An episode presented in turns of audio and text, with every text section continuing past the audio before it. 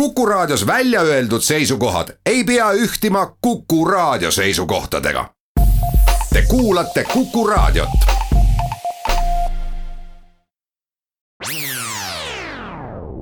Restart.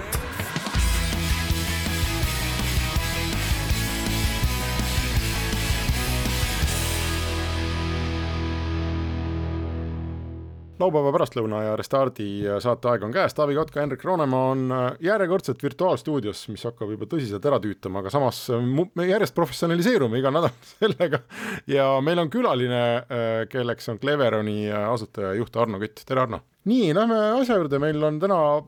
selline mitmeosaline Cleveroni teemaline saade, ma peaks ütlema, ja me kavatseme rääkida sellest, kuidas ähm, Eesti majanduse ühel huvitavamal ja olulisemal tehnoloogiaettevõttel läheb millised on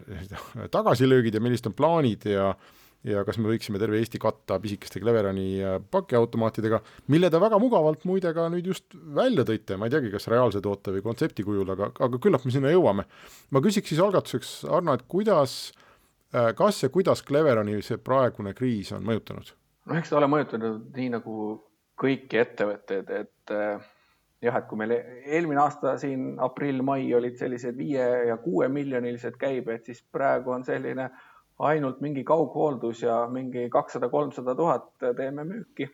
et selline on see hetkeolukord. aga miks see Aga... niisugune pauk on, et äh, miks siis äh, vastupidi ju praegu igasuguseid kappe oleks meeletult vaja üle maailma, sellepärast et äh, kontaktivaba ja puha. noh, nii paradoksaalne kui see ka ei ole, et päringuid tuleb sisse palju rohkem, äh, kohe oluliselt rohkem kui enne kriisi nii Eestist kui äh, rahvusvaheliselt. aga ütleme, et meie, noh, meie kliendid on suured jaekaupmehed, noh, kõik, mis ei ole toidupoed, on kinni, noh, Saral on kõik poed kinni. Walmart, neil on, nad ise ütlesid, neil on kolm prioriteeti, et tervis, tervis ja tervis ja kõik, mis on muuga seotud, sellele täna ei keskenduta kõik on kodukontorites. aga inimesed, kellega me räägime ja, ja teeme plaane, et siis tänaseks ei ole mitte ühtegi tellimust meil ei ole tühistatud, aga praegu on kõik edasi lükatud. ja noh, kus me, viimane info oli siin alles, alles eile, et kus Itaalias, mis on väga raskes olukorras küll, aga, aga juba lepime kokku, et maikuus on, lähevad juba paigaldused Itaalias lahti kuigi mitte meie inimesed ei saa sinna minna, aga siis äh, üle, üle seal, üle veebi me toetame neid ja, ja et seal kohapeal. kaug, kaugpaigaldus ega ma just mõtlengi, et mis see probleem on, et põhiline ongi see, et äh, kuna ka kaupa vedada ei saa, lennukid ei lenda, siis ei saa lihtsalt minnagi kruvikiirega paigaldama, jah? no kaupa isegi saaks liigutada, aga, aga meie põhimüügistrateegia siin äh, viimane aasta on olnud see, et, et lisaks Ameerikale me oleme otsinud üle maailma omale partnereid ja edasimüüjaid. praegu on läbirääkimised seal neljakümne erineva firmaga eri riikides ja kõik nad vajavad koolitusi, kas nad tulevad siia või läheme meie sinna või, või see kõik katkes, et nii kui see, kui see eriolukord tuli, me üle maailma tõime kõik inimesed koju tagasi ja, ja hetkel oleme nii-öelda hangunud seisus, et ootame ootame, millal, millal see, need piirid uuesti lahti lähevad ja, ja haigus taandub. aga ma mõtlen, see võib ju kesta siin veel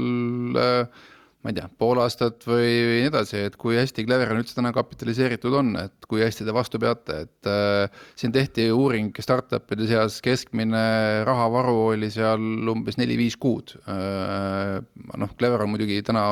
midagi muud kui startup, ta on ikkagi väga suur ettevõte ja nii edasi, aga, aga kuidas teie üldse vastu peate? Äh, no meil oli eelmine aasta väga hea aasta, meil oli kusagil peaaegu seitsekümmend miljonit müüki, kasum, puhaskasum oli ka üle kümne miljoni.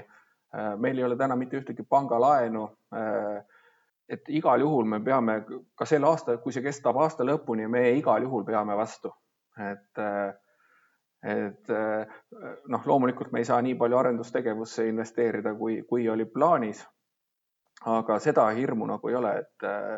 et me nüüd äh, kuu-kahe pärast kuidagi kokku hakkaks kukkuma. aga töötajad olete ikkagi saatnud äh, koju, sest ma saan aru, et teil oli tehases ka väike, väike intsident juba? et me panime esimese, me panime tegelikult teha, kogu ettevõtte saatsime koju kohe päev peale selle eriolukorra väljakuulutamist, kuna meil oli meil oli aastaüritus, kus oli üle kolmesaja inimese koos Ugalas ja paljud meie inimesed, kes tuli Itaaliast, Siilist, Aasiast ja siis mõtlesime, et kui nüüd keegi on seal haige ja, ja sellest üritusest nagu mingi meie maja sees pandeemia lahti läheb, et siis panime päevapealt, saatsime kõik kaheks nädalaks koju. Õnneks seda ei juhtunud, jah, kuigi meil üks juhus on, on olnud, aga see oli ka väga kergelt ja, ja, ja see noormees saab juba varsti tööle tagasi tulla. Ma mõtlen, kas te olete praegu kodus või ikkagi olete kõik tööl, et kuidas see nagu praegu on, et teil on ikkagi, ikkagi ju füüsiliste asjade ehitamine, mis tähendab seda, et keegi peab olema sõna otseses mõttes pingi taga. jah, ma olen ka praegu oma kontoris tegelikult, et meil on siin Viljandis on jah, kusagil kakskümmend, kolmkümmend inimest käib ikka sellised äh, eksperimentaaltööd ja tootearendused, mis on füüsilise sellega seotud, siin me ikkagi äh, käime, aga kõik, mis võimalik, katsume kodukontorist ära teha no internet ütleb, et teil oli pealt kahesaja töötaja või, või on või kas, kas neid on, kas te olete kedagi koondanud, kas te olete teinud mingi palgavähenduse või midagigi või, või on kõik nii, nagu, nagu esimesel veebruaril veel oli? praegu on kõik nii, et kes on, kes on kodus, kes saab kodus tööd teha, loomulikult osad inimesed ei saa midagi teha, tootmise inimesed, et praegu me oleme kõigile äh, täismahus palka maksnud kedagi koondanud praegu ei ole et natuke vaatame, kuidas aeg selgineb, teeme plaane, kuidas, äh, kuidas see aasta ära, ära elada. aga sa oled ka selle filosoofia esindaja ikkagi, et kokkuvõttes äh, äh, halbadel aegadel tööandja peab oma töötajat hoidma äh, noh, kiire palga alandamine, et võib kaasa tuua selle, et mõni konkurent või teine inimene või teine ettevõte ostab mu hea inimese üle, et ma pigem kannatan ise omanikuna kasumi arvelt seda, et, et ma ei, ei, ei lähe palka kärpima noh, loomulikult inimesed on ettevõtte kõige suurem parandus, et inimesi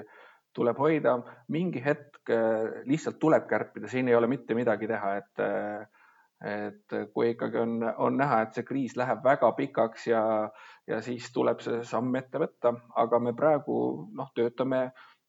erinevate variantide kallal ja praegu vaatame, olemegi oma nii-öelda fookusega siseturule suunanud, et, et ehk annab siin midagi ära teha, et ka Eestist on hästi palju tulnud päringuid, et tahetakse siin pakiautomaate osta. et kuidas,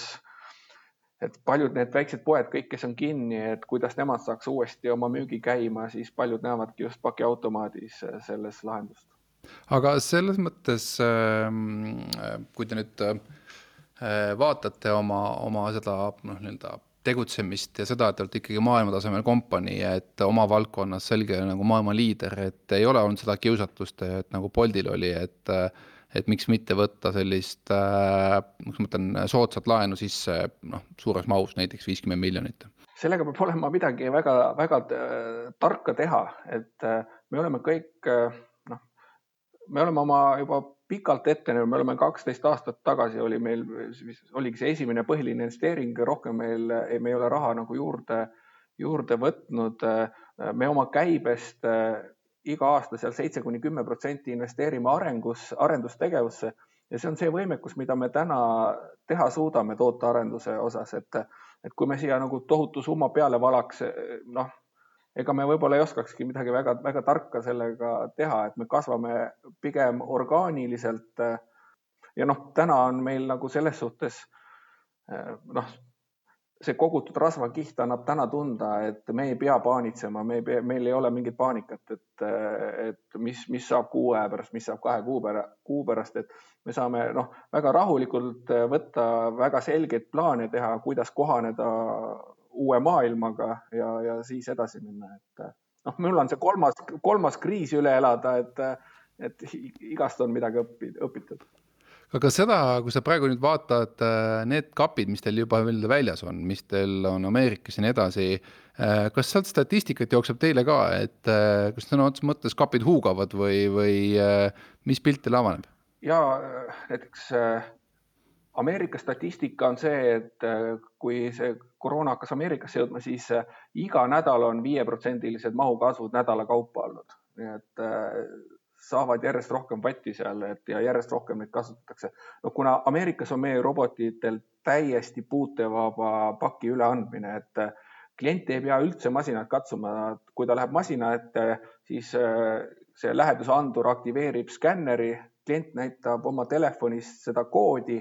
ja siis tuuakse pakk ja uks läheb lahti, klient lihtsalt puudub, võtab oma paki ja läheb minema ja, ja roboti uks läheb kinni, nii et, et see on jah, praegu seda kasutatakse järjest rohkem seal. Ehm, aga teoorias, eks ole, see kõik, mis meil siin praegu toimub, Arno, et see, see peaks olema ju vesi teie äriveskile et, et isegi kui me kõik ütleme, et maailm on igaveseks muutunud ja, ja me, ma ei tea, vähemalt mitu aastat igasugu inimkontakte on vähem ja ja ma olen näinud neid erinevaid numbreid erinevatest riikidest, et kui palju inimesi ütleb, et nad üldse esimest korda näiteks kasutasid e-kaubandust, teatud riikides see on väga kõrge protsent, et et sul on nagu mida oodata, kas pole? nojah, me oleme tegelikult ju kogu aeg rõhku pannud, et meie tooted äh, toetavad e-kaubanduse arengut ja on suunatud e-kaubandusele ja, ja noh, midagi ei ole teha jah, et, et võib-olla ei ole ilus nii öelda, aga, aga see, see kriis äh, muudab inimeste harjumisi palju kiiremini kui, kui võib-olla ilma selle kriisita. et, et tulevikus on küll jah, et äh, on needsamad päringudki, mis praegu sisse tulevad, neid on palju rohkem, kui siin oli enne, enne kriisi, et aga teie turg on jätkuvalt ikkagi, need päringud, need tulevad ikkagi jätkuvalt äh, Euroopast ja Ameerika Ühendriikidest või Põhja-Ameerikast, et äh, Aasia ikkagi läheb oma teed ja teeb omad kapid või, või, või on ka Aasia need täna ukse taga? me ka Jaapaniga, Jaapanis on meil äh, juba, juba koostööpartner olemas. aga neid tuleb tegelikult päri, tõesti igalt poolt ka, ma mõtlen ka Eestis on äh, iga nädal tuleb ikka kümneid päringuid, et, äh, et tahaks, tahaks endale kappi panna. aga me teeme siia esimese pausi ja siis äh, oleme varsti tagasi. Restart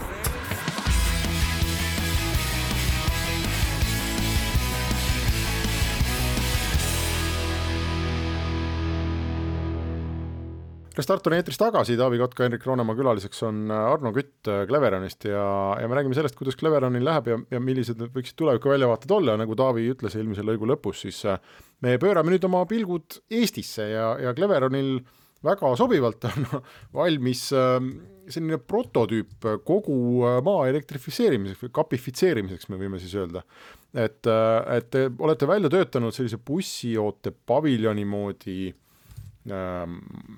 lahenduse, kus on ka üks, kaks, kolm, neli, viis, kuus, seitse, kaheksa, kaksteist äh, kappi, ehk siis on selline varjualune pink ja kaksteist oranži kapikest seal kõik üheskoos ja elektrit saab päiksepaneelidelt, ma saan aru, et äh, isegi elektrikaablit ei ole külge vaja ja, ja ühtlasi ma saan aru, et inimesed saaksid sealt näiteks bussiga linnast tulles oma kaubad kätte ja teistpidi ka bussiga, sellesama liinibussiga saaks mingit sorti kaupu sinna saata, ehk selline täiesti kompleksne lahendus. kas, kas see on nüüd midagi, mis on täna olemas ja valmis või on see kontseptsioon ja pilt lihtsalt valmis? päris valmis sellist toodet täna ei ole, see kontseptsioon on nüüd uuesti lauale tulnud, tegelikult see, seda kontseptsiooni oleme arutanud ka kuus-seitse aastat tagasi aga siis eh, oli näha, et turul veel ei olnud sellist valmisolekut ja et seda, seda vastu võtta, aga täna, kus just eh, kogu see ühistransport on, eh, on rohkem, noh, ei ole enam nii head ühistransporti, arvestades kõike seda koroonat ja ja siis leidsime, et praegu on õige aeg see asi kapist, see mõte kapist välja tuua ja kaasajastada ja, ja välja pakkuda see lahendus, jah no selles mõttes see oli äh, geniaalne idee, äh, mille siis ka Stendamgi uuesti üles äratas, et, äh, et olukorras, kus praegu on meie maailma üks edumeelsemal ettevõttel selline nii-öelda vaikperiood, et noh, et miks mitte seda ära kasutada ja, ja kogu see võrgustik, siis pakiautomaatide võrgustik üle Eesti valmis ehitada ja ja selles mõttes noh,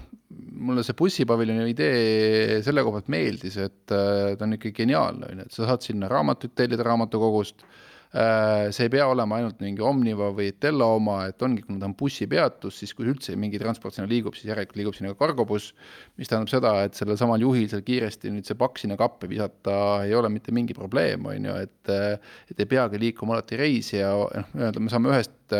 transpordisõidust saame nii-öelda rohkem kätte. et ühesõnaga, noh, ta tundus nagu väga-väga efektne nagu lahendus ja selge on see, et ega seal suuremat sellist nii-öelda majanduslikku efekti kogu Eesti jaoks ma võib-olla ei näegi, aga mis seal see suur efekt ongi, on see, et, et äh, elukvaliteet maal äh,, teenuste kättesaadavus maal, kauba kättesaadavus maal, et see kindlasti paraneks hüppeliselt ja, ja seetõttu nagu noh, minul läksid kohe silmad särama jah, Eestis on ju üle, üle nelja tuhande kuuesaja küla ja aleviku kus elab äh, suurusjärk nelisada kolmkümmend tuhat äh, inimest, kellel täna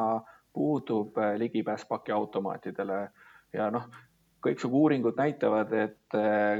et kõige esimene valik, kus pakke kätte saada inimestel ongi just pakiautomaat. Ja, ja, ja praegu annaks, see oleks üks lahendus, et me jah, Cleveron tõesti ei tahaks nagu küsida äh, toetust ja selle eest lihtsalt hoida inimesi äh, kodus ja maksta neile palka, et, et äh, kui nüüd panna sellist võrku üles, siis meie inimesed saaks tööd ja, ja oleks ka tegelik kasu ka Eesti inimestele sellest. kusjuures me arvutasime siinsamas igal, igaks juhuks Excelis üle ka, et see pakirobot kaheteist kapiga on teil olemas, mida ei ole olemas, praegu on see paviljoni pool, okei okay,, no selles mõttes, et seda me saame, noh, iga omavalitsus saab selle ise mõelda juurde või, või, või saab seda kuidagi noh, ega küsimus on, et kuhu me selle nüüd paigaldame, et see võib olla ka mingit vastu mingit äh, ma ei tea, vallavalitsushooned, kui see vallavalitsushoone on vastu bussi ja peatusteks, et äh, vahet selles mõttes ei ole, aga aga ühe sellise pakiroboti hind oli umbes neli tuhat pluss eurot ja kui me korrutame läbi selle nüüd nelja tuhande kuuesaja kolmekümne külaga, siis tuleb kogusummaks umbes kakskümmend miljonit eurot. ja kakskümmend miljonit praeguses situatsioonis, kus äh,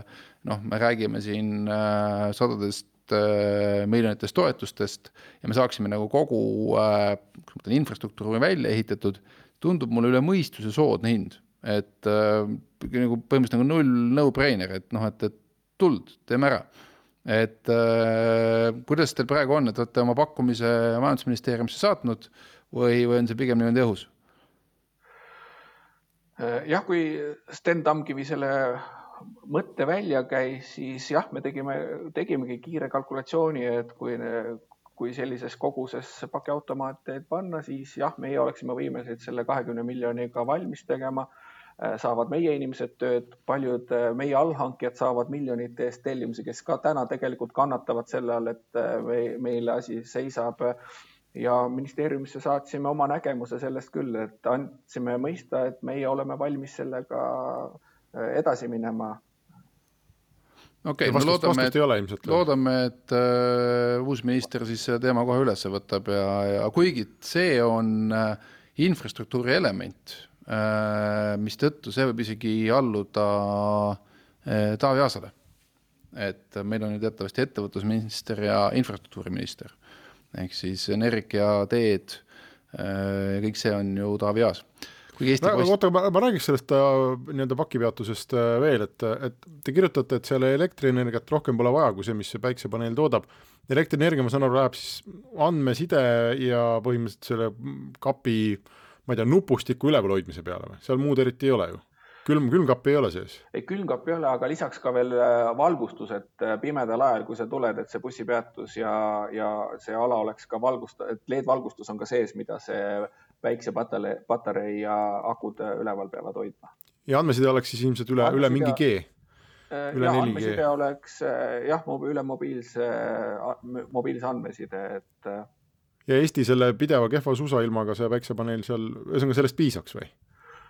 ja no meie kodupakiautomaatidel on üldse sihuke kümme korda kakskümmend sentimeetrit päiksepaneel, mis eh, selle talve ütleme enam-vähem elas üle ja, aga seal on ikkagi päris suured paneelid, need, need elavad Eesti talve üle kindlasti. ja kuidas see logistika pool seal on, et, et kas see, et neid kappe on seal just kaksteist, kas see on lihtsalt sellepärast, et disainis tuli nii välja või on see number mingi analüüsi tulemusena saadud, et just see on õige? seal on arvestatud nii ergonoomikat, et eh, noh, suuremad kapid alla väikest panna ei saa, on halb kummardada, eh, kõrgemale ka ei saa panna, siis ei saa inimesed kätte seda ja ta on nagu ergonoomika ja noh, kui on nagu tihedama asustusega, kus on rohkem inimesi, siis saab sinna panna ju neid mooduleid juurde, on kaksteist või kakskümmend neli või, või, või nelikümmend kaheksa, nii et neid saab nagu sammu, sammuga järjest, järjest suurendada. Aga räägi, sina kindlasti tead seda poolt, et noh, mina tean seda, et kui ma elan Tallinna kesklinnas, eks ole, ja, ja, ja noh, nüüd tellin netist juba tõesti väga palju asju, sest katsun poes vähe käia. Ähm,. seda poolt ma tean, kui ma elan täna maal ja ma tellin internetipoest midagi, kuhu see asi mulle tuleb? Ja kuidas ta tuleb üldse? paljud tellivadki ka kuhugi oma lähimasse suuremasse asulasse siis pakiautomaati. Ja siis nagu täitsa pidid Facebooki grupid olema, kus arutatakse, kes läheb linna, toob minu pakid ära ja kellegi teise omad. Ja, ja praegu on see veel eriti keeruliseks läinud, kui ühistransport on ka nagu palju harvemini sõidab, et, et jah, me näeme kogu aeg neid probleeme tegelikult, et kullerid ei leia, leia talusid üles, on, on üks probleem. see on, siin on selgelt kindlasti mingit, mingit muudatust vaja, sellepärast et äh, isegi meil äh, omavalitsuse volikogus tekkis küsimus äh, viimasel korral, et äh, et kas saaks kuidagi motiveerida, et neid kappe oleks siin vallas rohkem, sellepärast et üks probleem on see, et inimesed tellivad kappi ära ja siis nad ei lähe mitu päeva järgi. ja noh, kuigi seal võiks olla lihtne lahendus, et näiteks see, et sul on alates teisest ööst hakkab olema mingi lisatasu, et noh, mis tiksub, et, et a la, et kui sa nagu ei lähe oma pakile järgi, on ju, et siis tekib mingi lisahoiustamistasu, tekib lisamotivatsioon selle järgi käia et isegi siin äh, noh, Viimsuguses asulas nagu on probleem, et meil ei ole piisavalt kappe. kas see, ma, ma just tahtsin jõuda oma aruteluga sinna, et kui palju see on täna see noh, selline tehniline lahendus, et, et ostame need neli tuhat midagi kappi, on ju, paneme püsti ja kõik on hästi. et kas see, see tagumine infra on seal olemas, on ju, et kas kullerid on valmis need neli tuhat külakest läbi sõitma selle, selle kraamiga? Ja kui see kapp on täis, et kuhu ta siis läheb või, või kas bussifirmad reaalselt on valmis ja noh, võimelised seda logistikat niimoodi korraldama, et, et kuue paki kaupa kuskilt noh, oma liinidele neid kaasa võtta ja nii edasi ja nii edasi, et ka, ma ei tea, kas see on üldse teie mure? Kuskil on operaator ja tema teeb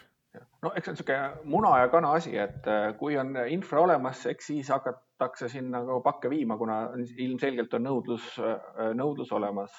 Ja, ja kui nüüd, ega kui riik investeerib, ega siis nagu riik ise seda opereerima ei hakka, et äh, just me oleme, ma olen tegelikult ka nagu Omnivaga rääkinud, et meil on ju riiklik postivõrgustik olemas ja, ja Omniva on, on, on ka selle valmisoleku välja käinud, et eh, kui see võrk teha, siis ka avada ta teistele, et seda saavad eh, mitte ainult Omni, vaid seda saavad kasutada ka teised eh, logistikaettevõtted ja miks mitte mõni e-kaupmees viib ise need asjad laiali ja saab ka seda kasutada ja, ja ja miks mitte sinna ka juba nagu ajakirjad, ajalehed, et neid järjest vähem tellitakse, et võib ka seda siis kasutada.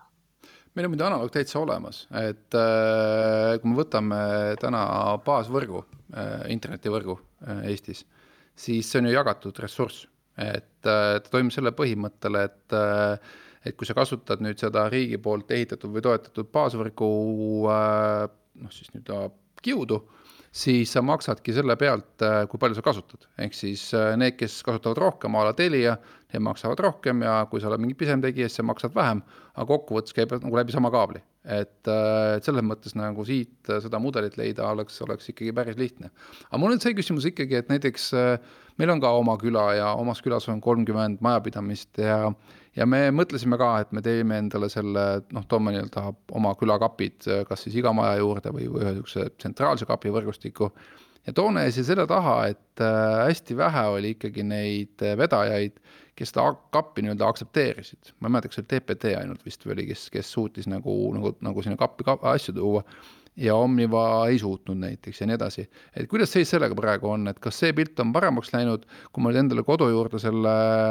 äh, Cleveroni kapi võtan, see kuumaks vist oli umbes kas kakskümmend eurot äkki või? et, äh, et, et kas siis kõik toovad mulle sinna kappi asjad ära, sealhulgas Selver või äh, on see ikkagi ainult äh, üksikute tegijate toetatud veel? ta muutub äh, järjest paremaks, seda on nagu praegu juba näha,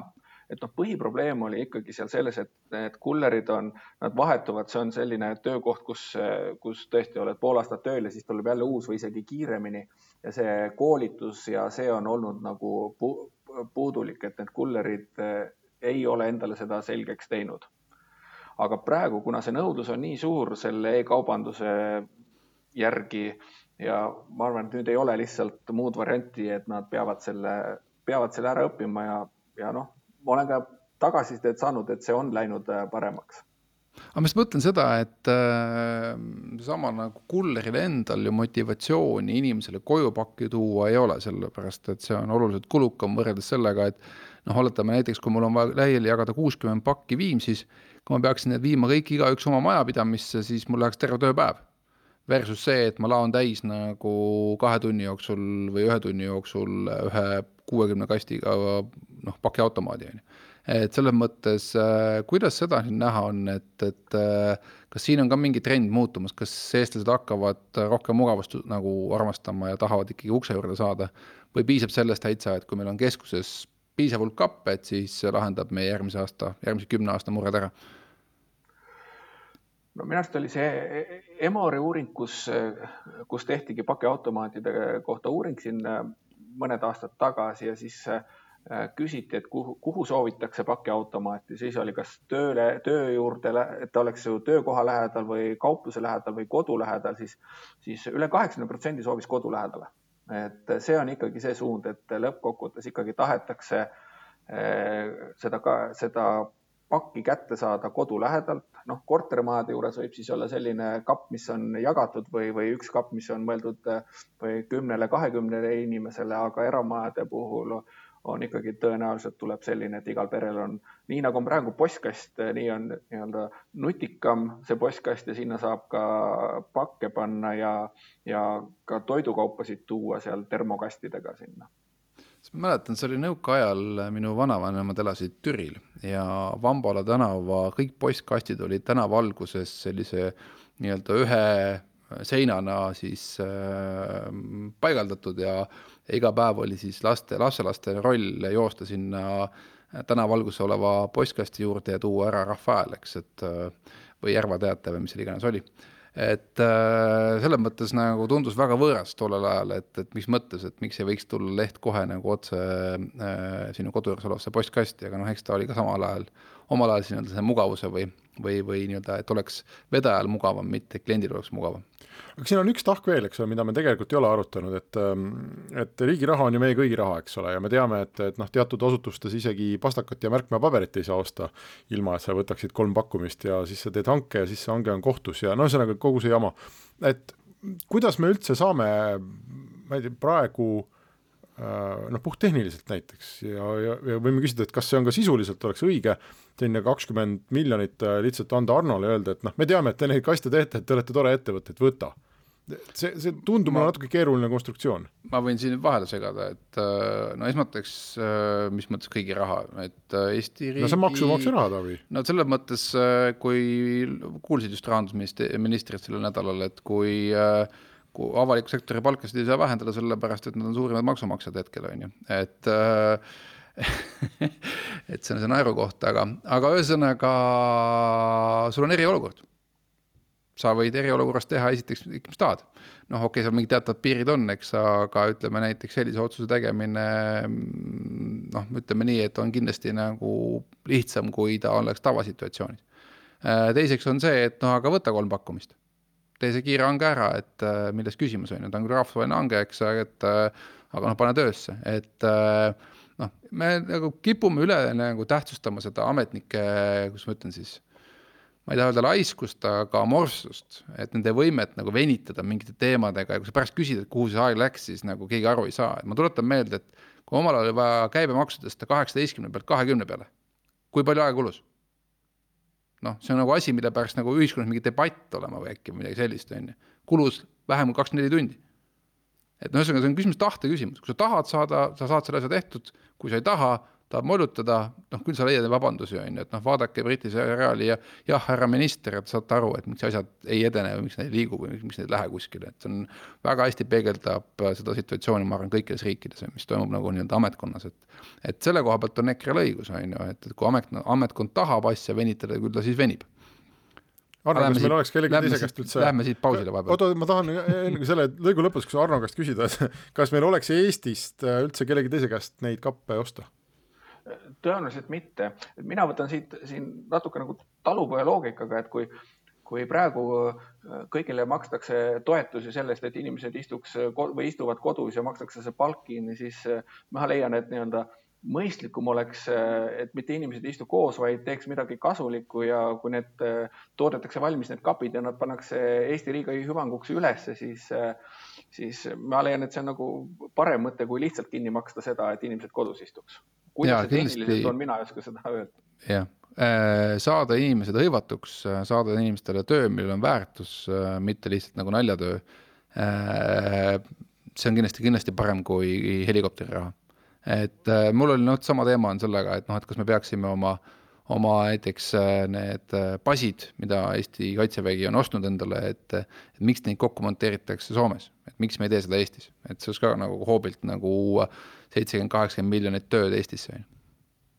aga nüüd on küll see koht, kus me teeme oma teise pausi ja siis jätkame. Restart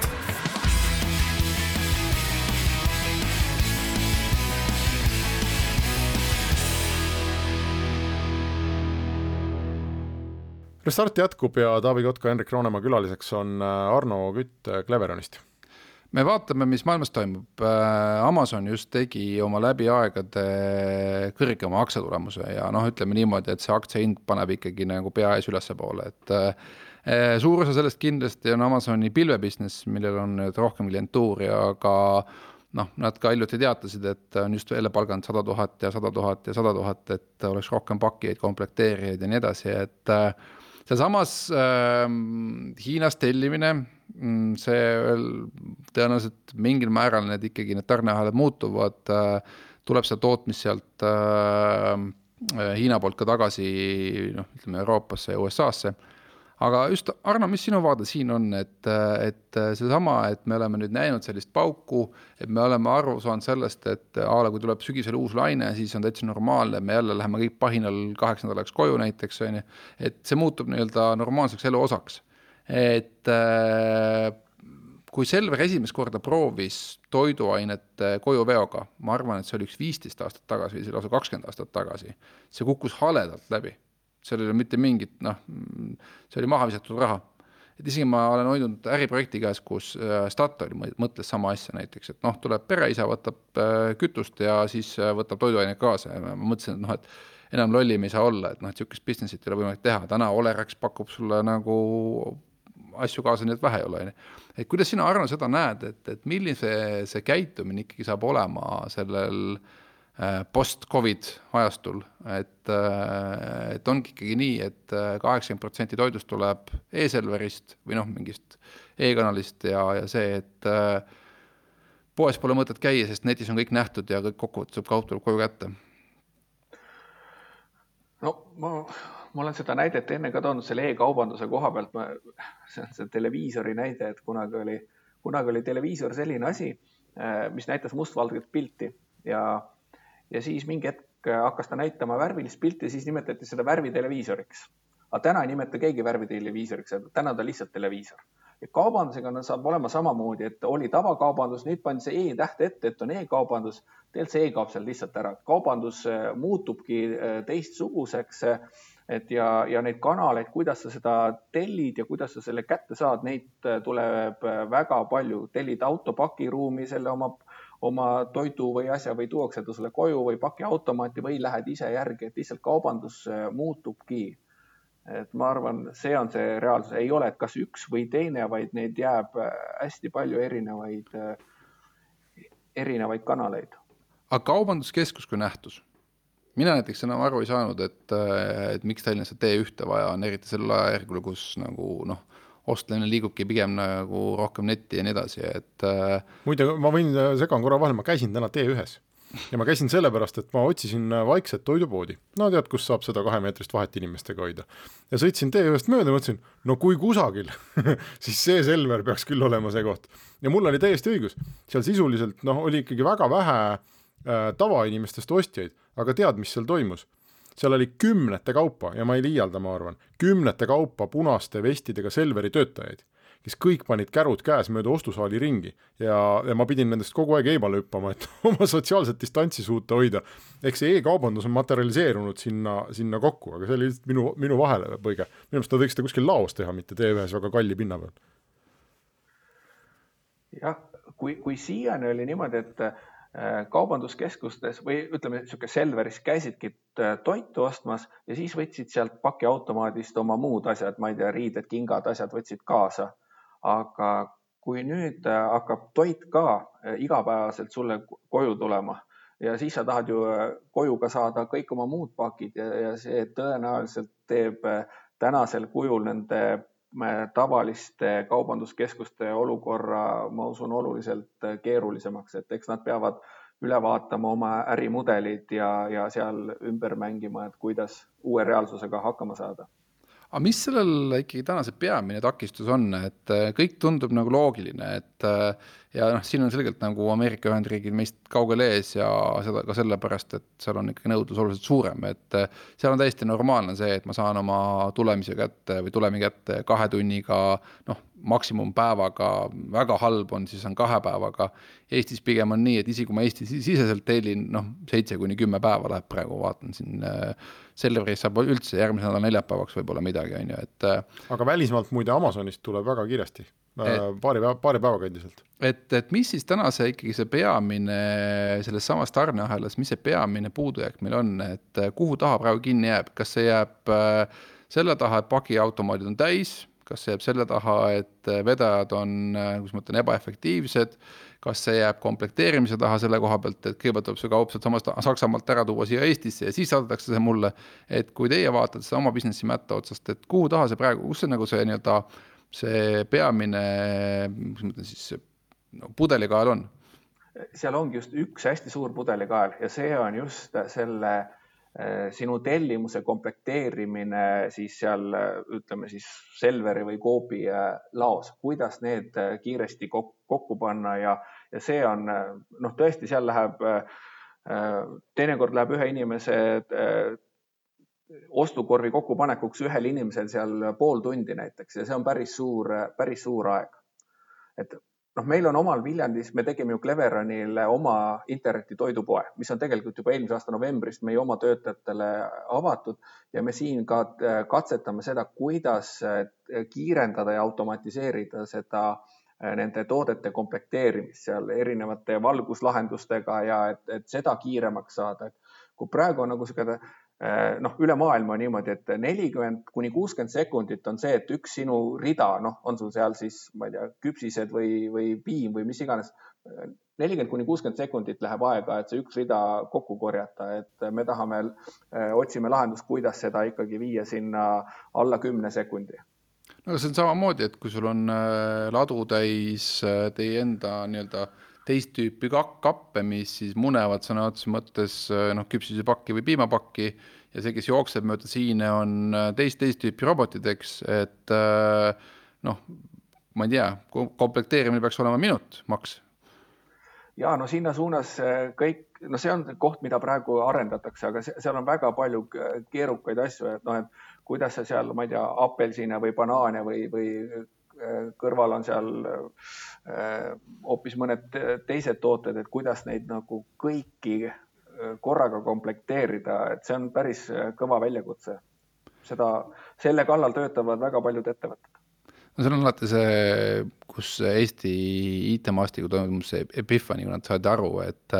ükskõik, mis lahendust sa pead tegema, et sa ei tohi kunagi mõelda saja protsendi võtmes, et äh, et pane kaheksakümmend protsenti efektiivselt tööle ja kakskümmend protsenti las lahendavad ikka inimesed käsitsi, on ju, et tuleb kokkuvõttes kiirem ja parem tulemus, on ju. aga okei okay,, arusaadav, et äh, aga nüüd ongi, et kui nüüd kriis läbi saab, äh, kui nüüd Eesti riik ei otsusta ära siin äh, lähima, ma ei tea, kuu-kahe jooksul äh,, et äh, teeme selle võrgu valmis Eestis äh,, teil läheb uuesti business lahti, teil polegi aega ju, et hakata üldse tegelema mingi Eesti riigiga et mõnes mõttes ka teistpidi on kiire, et kui praegu kohe ei otsusta, siis läheb see momentum mööda ja siis meil ei olegi seda võimalust seda võrgustikku teha siia enam. eks jah, praegu need, needsamad toidurobotid, mis on meie noh, uued tooted, mille vastu on kõige, kõige suurem huvi praegu, et mis on mis ongi praegu, on testimises siin Taanis ja Ameerikas, Inglismaal, nüüd Itaaliasse läheb maikuus ülesse. et kui sealt mahud peale tulevad, siis võib minna, minna keeruliseks küll eks samas see kakskümmend miljonit on seal, ma ei tea, circa, ma ei tea, neljandik teie aastakäibest, et noh, võib-olla selle väikse aja ikka leiaks, et kakskümmend viis protsenti käibest nagu ära teenindada.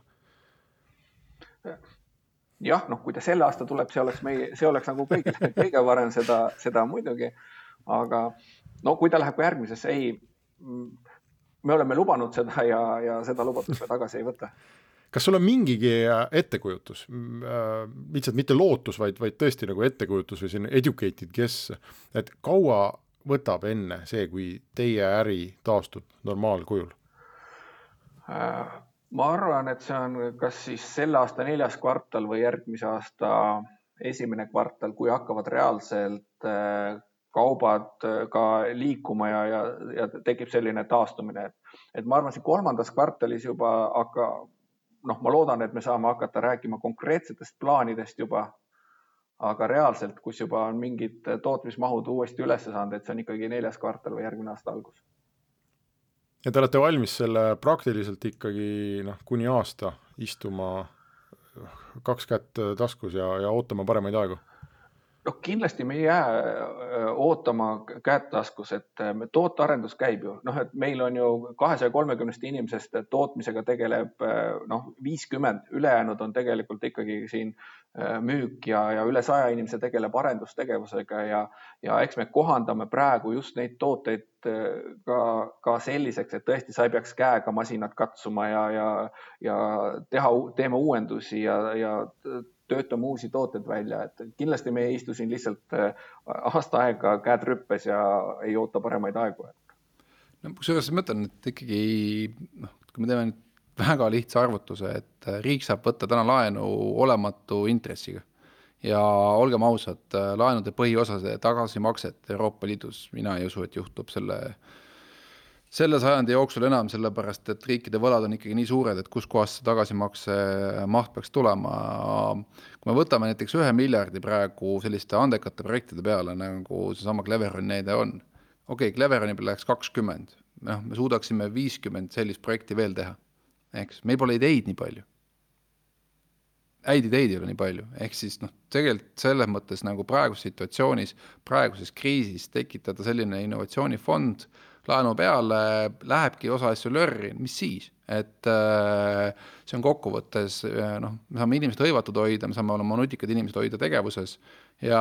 kokkuvõttes terve riik võidaks, nii et, et mina ei saa aru, mida me siin molutame, et hakkame pihta ja ja Cleveroni kapid ja mis iganes muud ideed meil siin on, et äh, teeme ära, praegu on see momentum, kasutame hetke no antud hetkel on ausalt öeldes ka ikkagi natuke küsitav, et kas äh, riigi arvates nutikaid inimesi on üldse vaja siia, kas, kas nendele on vaja tähelepanu pöörata, aga hea uudis on see, et meie saade on läbi ja me ei saa siin kauem edasi nukurtseda. nii et olge positiivsed. Olge positiivsed. ja, ja aitäh, Arno, äh, jõudu, edu äh, Cleveronile ja meie kohtume kuulajatega jälle nädala aja pärast. ja loodame, et teil lastakse praktika ära teha. Restart